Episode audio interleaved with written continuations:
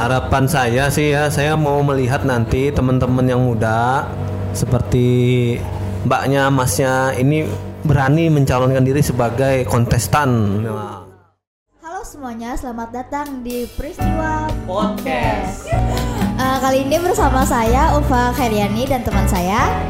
Dengan saya juga Muhammad Redu Sandia. Kali ini kita akan membahas tentang pemilihan umum di tahun 2020 yang yang akan kita laksanakan pada tanggal 9 Desember 2020.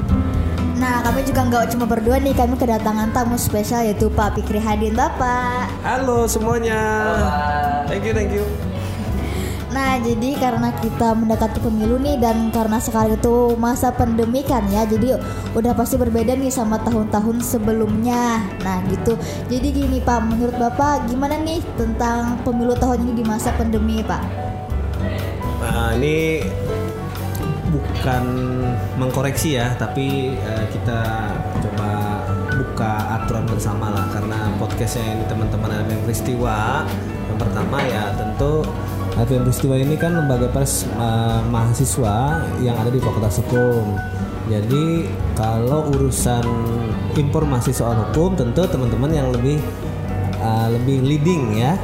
Nah, jadi sekali lagi ini bukan bukan menggurui, cuman kita sharing dan tentu uh, podcast yang teman-teman ciptakan hari ini ya mudah-mudahan lah bukan bermanfaat hanya sekedar teman-teman mahasiswa, tapi juga bisa bermanfaat dengan orang banyak. Nah, perlu diketahui dulu yang pertama soal nomenklatur Desember ini itu bukan pemilu tapi adalah pemilihan umum kepala daerah atau sering disingkat pilkada atau pemilu kada. Nah, jadi berbeda dengan pemilu yang ada di tahun sebelumnya untuk memilih anggota DPR, DPRD maupun provinsi maupun kabupaten kota. Tapi biar biar lebih ini aja gitu, lebih lebih lebih legit lah bahasanya. Oke, gitu ya. Oke Pak, em, jadi eh, saya ralat kembali tahun ini kita akan melaksanakan pilkada. Nah, eh, kita tarik kembali. eh, memang tahun itu tahun ini itu berbeda pilkada pemilihannya karena di tahun ini kita berkenaan dengan pandemi, jadi kita diharuskan ataupun di diwajibkan untuk melaksanakan protokol kesehatan. Mungkin dari Bapak eh, bisa menyampaikan sedikit eh, bagaimana sih kemungkinan nanti protokol kesehatan sewaktu pemilihan kepala daerah di tahun ini, Pak. Oke, tentu kita ini kan negara hukum. Jadi seluruh apa pun aktivitas kenegaraan, baik itu dijalankan oleh lembaga eksekutif, lembaga legislatif maupun lembaga yudikatif itu harus berdasarkan hukum. Nah, penundaan pemilu kemarin juga diatur berdasarkan hukum.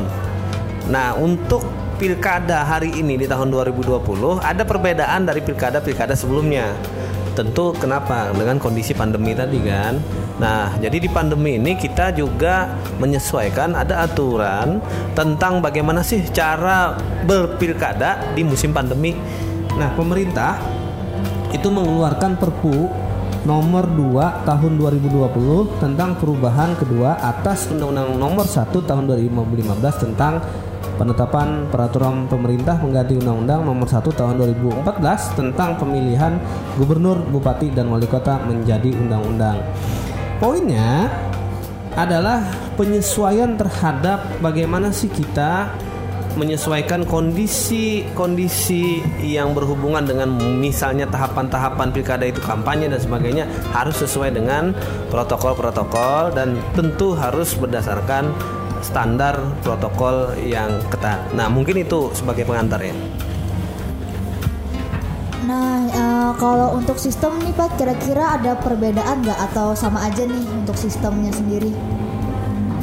Kalau untuk sistem kita belum mengadopsi namanya pemilu secara online. Jadi tidak ada pemilu online. Sayang sekali ya. Padahal hari ini uh, mungkin pemilu online itu lebih lebih dinamis daripada pemilu offline yang kita mewajibkan harus ke TPS dan sebagainya. Tujuannya apa? Tujuannya untuk mendapatkan eh, apa partisipasi publik yang sangat besar.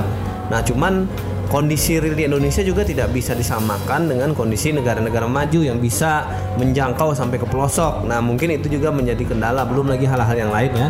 Nah, tapi sistem yang digunakan untuk pilkada tahun 2020 ini tetap kita harus menggunakan suara kita mencoblos di bilik suara walaupun uh, persentuhan dengan barang-barang uh, alat-alat distribusi dari uh, KPU itu diminimalisir cuman tetap menggunakan hak suaranya melalui bilik suara.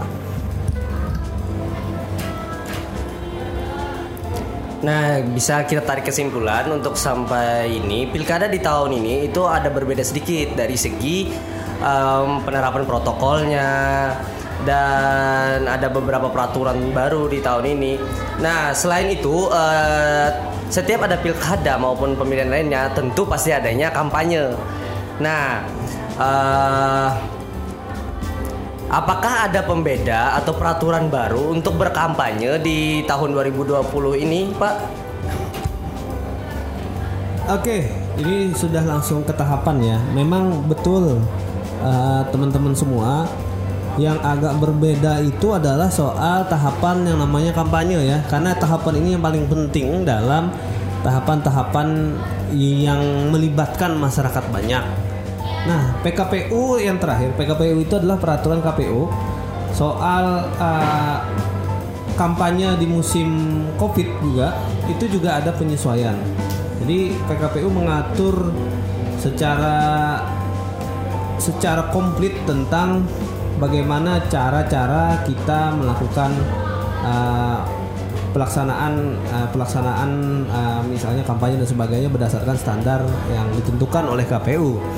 Nah, itu diatur di PKPU nomor 13 tahun 2020. Nah, jadi di PKPU eh, 13 tahun 2020 tersebut itu diatur secara rinci melalui hal-hal yang mungkin kalau misalnya dulu kampanye terbuka itu tidak boleh lagi dipersilahkan untuk menggunakan media daring misalnya seperti itu kita kita kuliah jadi misalnya kita kita kuliah itu kan pesertanya bisa 300 500 nah mungkin itu juga yang bisa digunakan untuk salah satunya untuk menggunakan kampanye. Itu yang paling kerasan di masyarakat karena tahapan yang paling melibatkan orang banyak ya tahapan kampanye.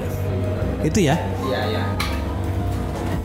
Ah, untuk saat kampanye kan udah pasti menerapkan protokol kesehatan ya Pak. Kira-kira protokol kesehatan yang diterapkan itu tuh berjalan lancar atau tidak mengingat banyaknya antusias masyarakat nih tentang ini gitu. Nah, betul sih pertanyaannya menarik ini. Antusias itu adalah sebuah hal yang hal yang prinsip karena namanya kita pemilu yaitu adalah pesta demokrasi.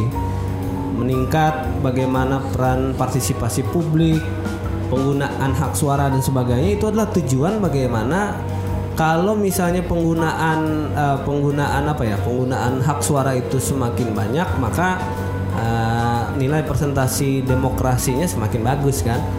Nah hari ini dengan kondisi pandemi hari ini ini menjadi tantangan karena kita tetap melaksanakan di musim pandemi tapi juga bersinggungan dengan keganasan dari pandemi juga. Jadi eh, tarik ulur ini menjadi hal yang menurut saya ya uh, buah si malakama nggak juga tapi ya ada pilihan-pilihan yang mungkin sudah ditetapkan oleh pemerintah berdasarkan kajian-kajian mereka. Contoh misalnya kalau kita melihat di Korea Selatan di dan Polandia sebagai rujukan pemerintah untuk melaksanakan pilkada di di musim Desember ya partisipasi publik malah meningkat saat pandemi daripada daripada apa ya? Daripada sebelum pandemi. Aneh juga kan? Tapi itu tidak bisa menjustifikasi bahwasanya kalau pandemi pasti banyak nggak juga ya jadi semua ada juga orang-orang yang takut misalnya menggunakan hak suara takut dengan virus dan sebagainya nah inilah yang harus diakomodir penyelenggara KPU penyelenggara pemil pilkada ini bagaimana masyarakat merasa nyaman merasa aman dan menggunakan hak suara itu berdasarkan hati nurani mereka semua. Nah teman-teman, tadi kan kita sudah mendengarkan se- uh, sejauh ini apa pun yang yang dilakukan maupun itu kampanye maupun itu nantinya waktu hari H pilkadanya itu semua tetap harus menjaga protokol kesehatannya. Uh, terus ada pertanyaan nih Pak, misalkan uh, di hari hanya nanti ada orang yang uh, yang tidak melakukan protokol kesehatan. Misalkan dia menuju ke tempat pencoblosannya dia tidak memakai masker begitu pak. Itu apakah nanti dia tidak boleh mencoblos atau ada sanksi lainnya atau bagaimana pak? Baik, kalau misalnya orang nih tidak punya masker menggunakan hak suaranya, tiba-tiba disanksi kan tentu nggak adil juga kan.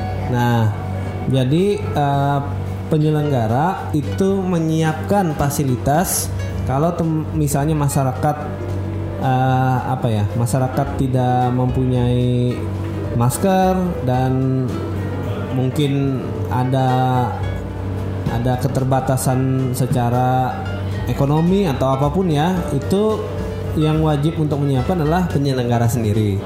Jadi negara itu memberikan slot misalnya kemarin itu kan perdebatannya gara-gara pandemi kan berhubungan dengan anggaran yang membengkak juga karena penyediaan hand sanitizer terus penggunaan penggunaan masker dan sebagainya. Nah, dan itu sudah diatur di PKPU. Dan teknisnya itu teman-teman KPU yang tahu lah. Mereka sedang rapat rapat teknis secara rinci tentang bagaimana meminimalisir uh, agar kiranya jangan sampai orang menggunakan hak suara itu terjangkit dengan virus. Wah, macam-macam ya Pak sekarang. Apalagi masa pandemi, ada pemi ada pemilihan gitu. Emang takutnya malah menimbulkan klaster-klaster baru. Eh, jadi, nah ini Pak, eh, misalkan menimbulkan emang ini tuh protokolnya nggak berjalan baik, ba- bahkan sampai menimbulkan klaster-klaster baru nih. Gimana tuh Pak menurut Bapak? Eh, iya sih ya. Kita kalau khawatir ya sama-sama khawatir. Cuman ya mau nggak mau karena ini sudah diputuskan di Desember ini untuk dilaksanakan. Ya kalau bak bak kecebur ke air itu ya menyelam aja lah juga kita juga. Tapi tetap kalau menyelam lama-lama pakai oksigen kan bagus tuh. Tapi kalau nggak ada alat-alat bantu ya tentu mati konyol kan. Nah maka dari itu kita disiapkan oleh negara untuk kiranya punya uh, protokol-protokol itu yang disiapkan juga kalau seandainya ada masyarakat yang uh, tidak memiliki masker dan sebagainya itu sudah diantisipasi lah itu soal teknis saja tapi yang paling prinsip itu adalah penggunaan hak suara aman nyaman tadi partisipasi publik meningkat dan tentu itu berhubungan dengan indeks nanti bagaimana uh, pilkada kita ini sukses. Mau nggak mau kan ini memilih pemimpin. Jadi kita harus ya saran saya sih harus harus aktif kita. Jangan sampai nanti teman-teman yang muda apalagi teman-teman LPM nggak nggunain hak suaranya lagi ya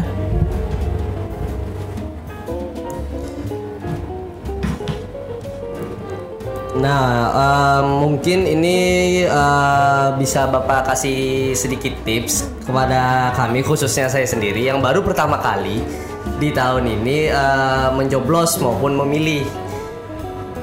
Em, apakah ada sedikit tips ataupun saran bagi Bapak untuk kami memilih para paslon-paslon dengan baik dan benar?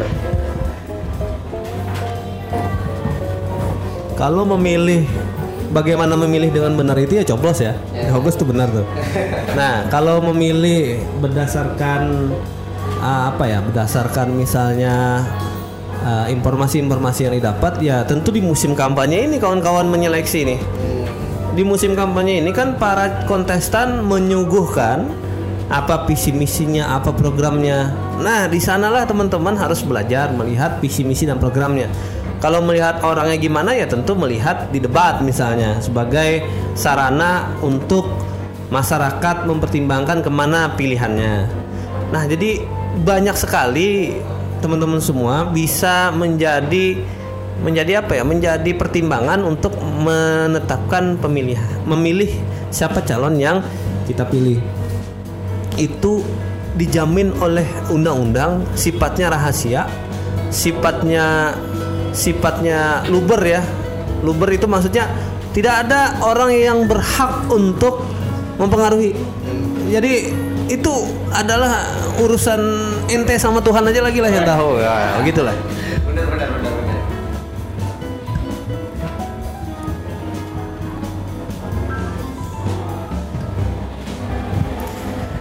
Nah, bagi jadi bagi para pendengar yang baru kali ini mencoblos itu sedikit tips dan trik karena sebelum mencoblos itu biasanya tuh ya setiap paslon itu pasti melakukan yang namanya kampanye.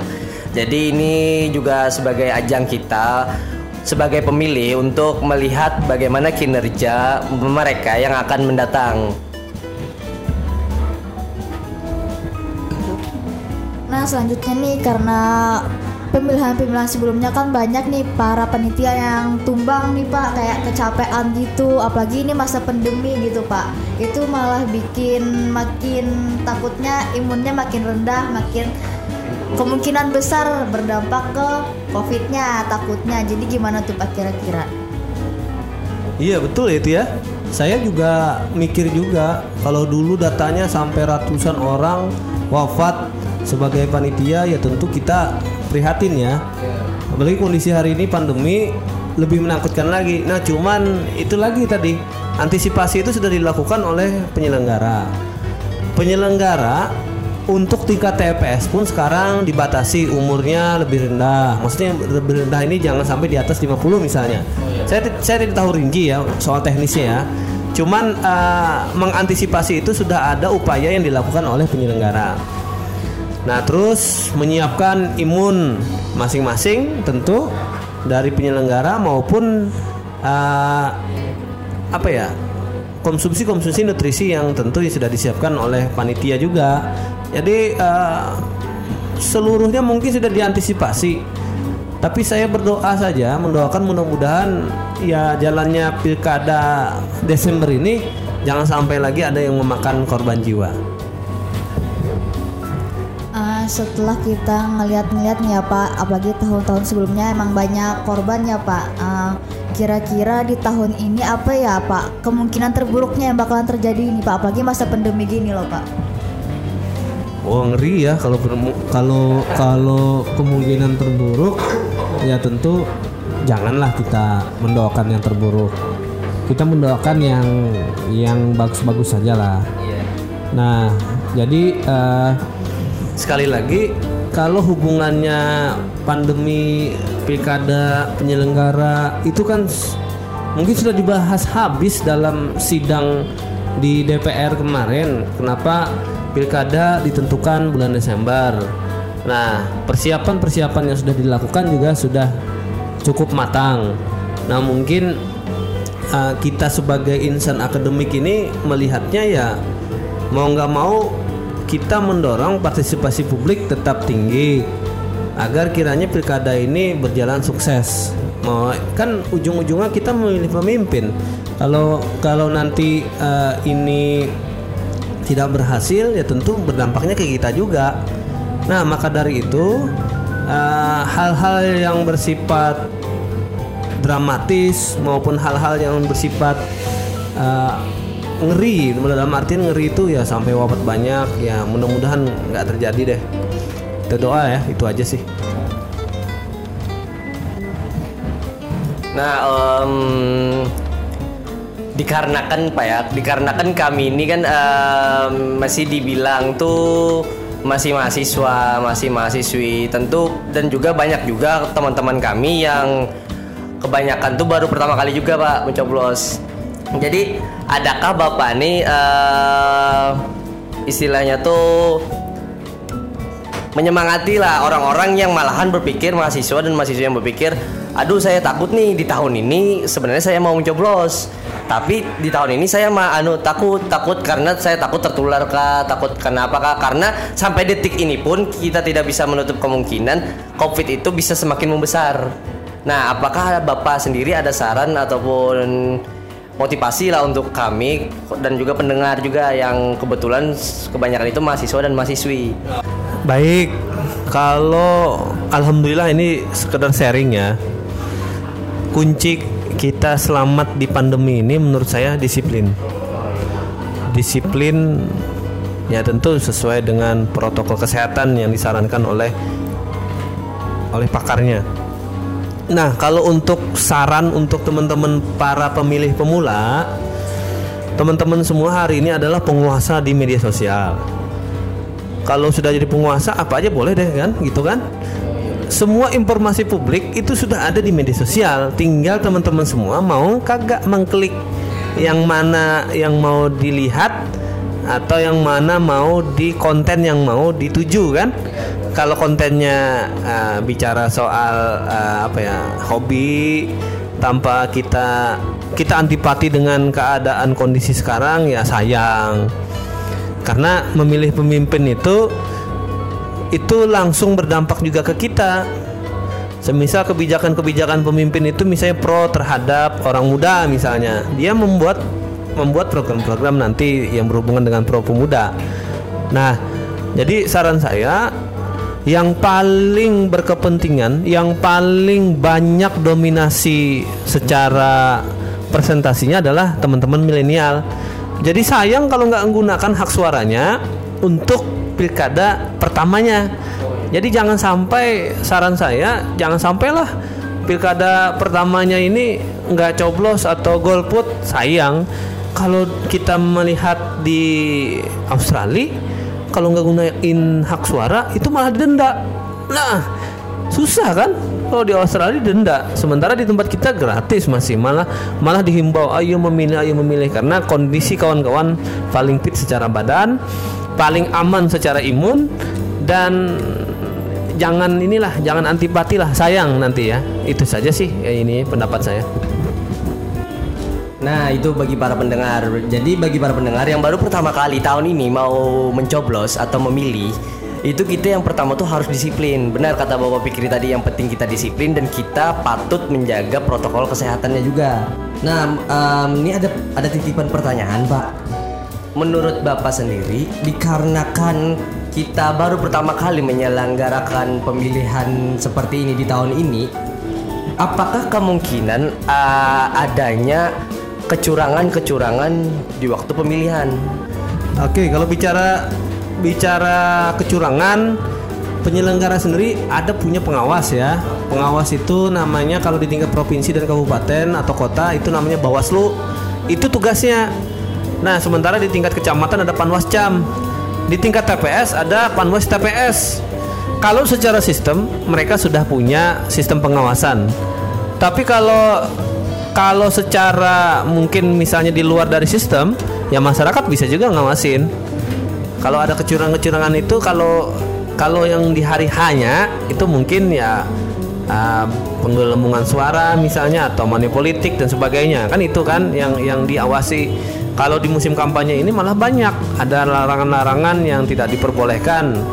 Nah terus uh, untuk masyarakat sendiri ya selain menjadi pengawas melekat dari penyelenggaraan ya tentu partisipasi publik itu adalah salah satu domain untuk keberhasilan pilkada kita. Nah mungkin itu aja yang menjadi catatan-catatan penting untuk uh, hal-hal kecurangan ya. Nah tapi banyak lagi lah soal yang lain. Cuman yang paling urgent itu sih ya. Wow. banyak ya masalahnya uh, karena masa pandemi juga takutnya malah aneh-aneh bahkan takutnya malah rusuh kan ya Pak ya? Pas tahun-tahun kemarin takutnya ada kerusuhan-kerusuhan dan lain-lainnya. Oke okay, kita lanjutin. Nah selain protokol kesehatan nih Pak apa sih lagi kepentingan kepentingannya harus kita perhatiin di saat masa pandemi ini? Apa ya selain protokol kesehatan ya ya survive aja lah ya kan? Iya. Ini ini pertanyaan membingungkan. Maksudnya membingungkan jawabannya sangat luas sekali. Kalau misalnya itu kaitannya dengan pilkada ya tentu uh, urgensi kenapa dilaksanakannya tanggal 9 Desember itu kan pilihan dari pemerintah dengan DPR bersama penyelenggara. Padahal pilihan itu kemarin itu disarankan di tahun depan di bulan kalau nggak salah di bulan April atau sama bulan Juli. Nah sementara pilihan untuk di tahun ini di bulan Desember. Nah ya melihat dengan kondisi faktual mungkin pertimbangan hal-hal yang lainnya mereka memutuskan Desember. Ya urgensinya selain mengganti kepemimpinan juga dari perdebatan itu soal stabilitas nasional juga. Kalau misalnya di seluruh Indonesia itu banyak yang PLT kan tentu mengambil keputusan secara tepat konkret dan punya wewenang yang yang mungkin yang sempurna itu agak terlambat katanya. Nah, jadi balik lagi eh, pilihan-pilihan yang sudah dipilih ini ya harus dijalankan karena kan perdebatan itu sudah sudah selesai kemarin. Nah, yang menjadi isu untuk bisa didengar halayak banyak hari ini di podcast ini adalah bagaimana penghimbauan terhadap protokol itu. Kuncinya tadi disiplin. Jadi kita mau nggak mau, yang muda jangan sombong, yang tua jangan takut kan. Tetap kita menggunakan disiplin sama-sama menjaga. Nah itu yang paling penting karena bagaimanapun juga eh, penyelenggara itu melaksanakan keputusan yang sudah diputuskan. Masyarakat mau nggak mau dihimbau untuk menggunakan hak suaranya. Partisipasi publik dituntut banyak-banyak. Ya balik lagi ya kalau kita mempermasalahkan hal ini dengan kondisi pandemi ya nggak ada habis-habisnya juga. Nah tapi eh, sekali lagi kita harus yakin bisa selamat di pandemi ini? Pertama dari kuncinya disiplin. Yang kedua ya saling jaga dan menjagakan nah mungkin itu ya untuk eh, untuk eh, jawabannya lah. Nah, jadi terakhir nih Pak, harapan Bapak nih mengenai pe- pemilihan di masa pandemi ini gimana sih harapan Bapak gitu? Harapan saya sih ya saya mau melihat nanti teman-teman yang muda seperti mbaknya masnya ini berani mencalonkan diri sebagai kontestan. Nah, jadi eh, peluang itu semakin terbuka nantinya. Dan kita semakin banyak calon yang dipilih menurut saya semakin menarik ya. Banyak nanti tawaran-tawaran visi misi dan program untuk eh, tawaran di eh, teman-teman masyarakat ya untuk memilih. Jadi sekali lagi kawan-kawan semua terima kasih atas eh, undangannya hari ini kepada teman-teman LPM Peristiwa. Kalau saya sendiri berharap ya harapannya uh, salah satu anggota LPM Peristiwa, teman-teman mahasiswa Fakultas Hukum itu menjadi pemimpin di pucuk pimpinan entah itu di kepala daerah, entah itu di tingkat kementerian atau jangan sampai kita bermimpi itu tanggung jadi presiden Republik Indonesia. Nah, itu. Wow, nih uh, saya juga mengucapkan terima kasih kepada Bapak Fikri Hadi yang sudah menyempatkan waktunya nih buat berhadir, buat diskusi sama-sama sama kita semua. Thank you ya juga ya. Iya, gimana kira-kira podcastnya seru kan ya? Ya seru dong. Nah, uh, jadi saya Ulfa Khairiani, Dan saya Redo Sandia uh, kami undur diri. dan sampai jumpa di podcast peristiwa selanjutnya. Dadah.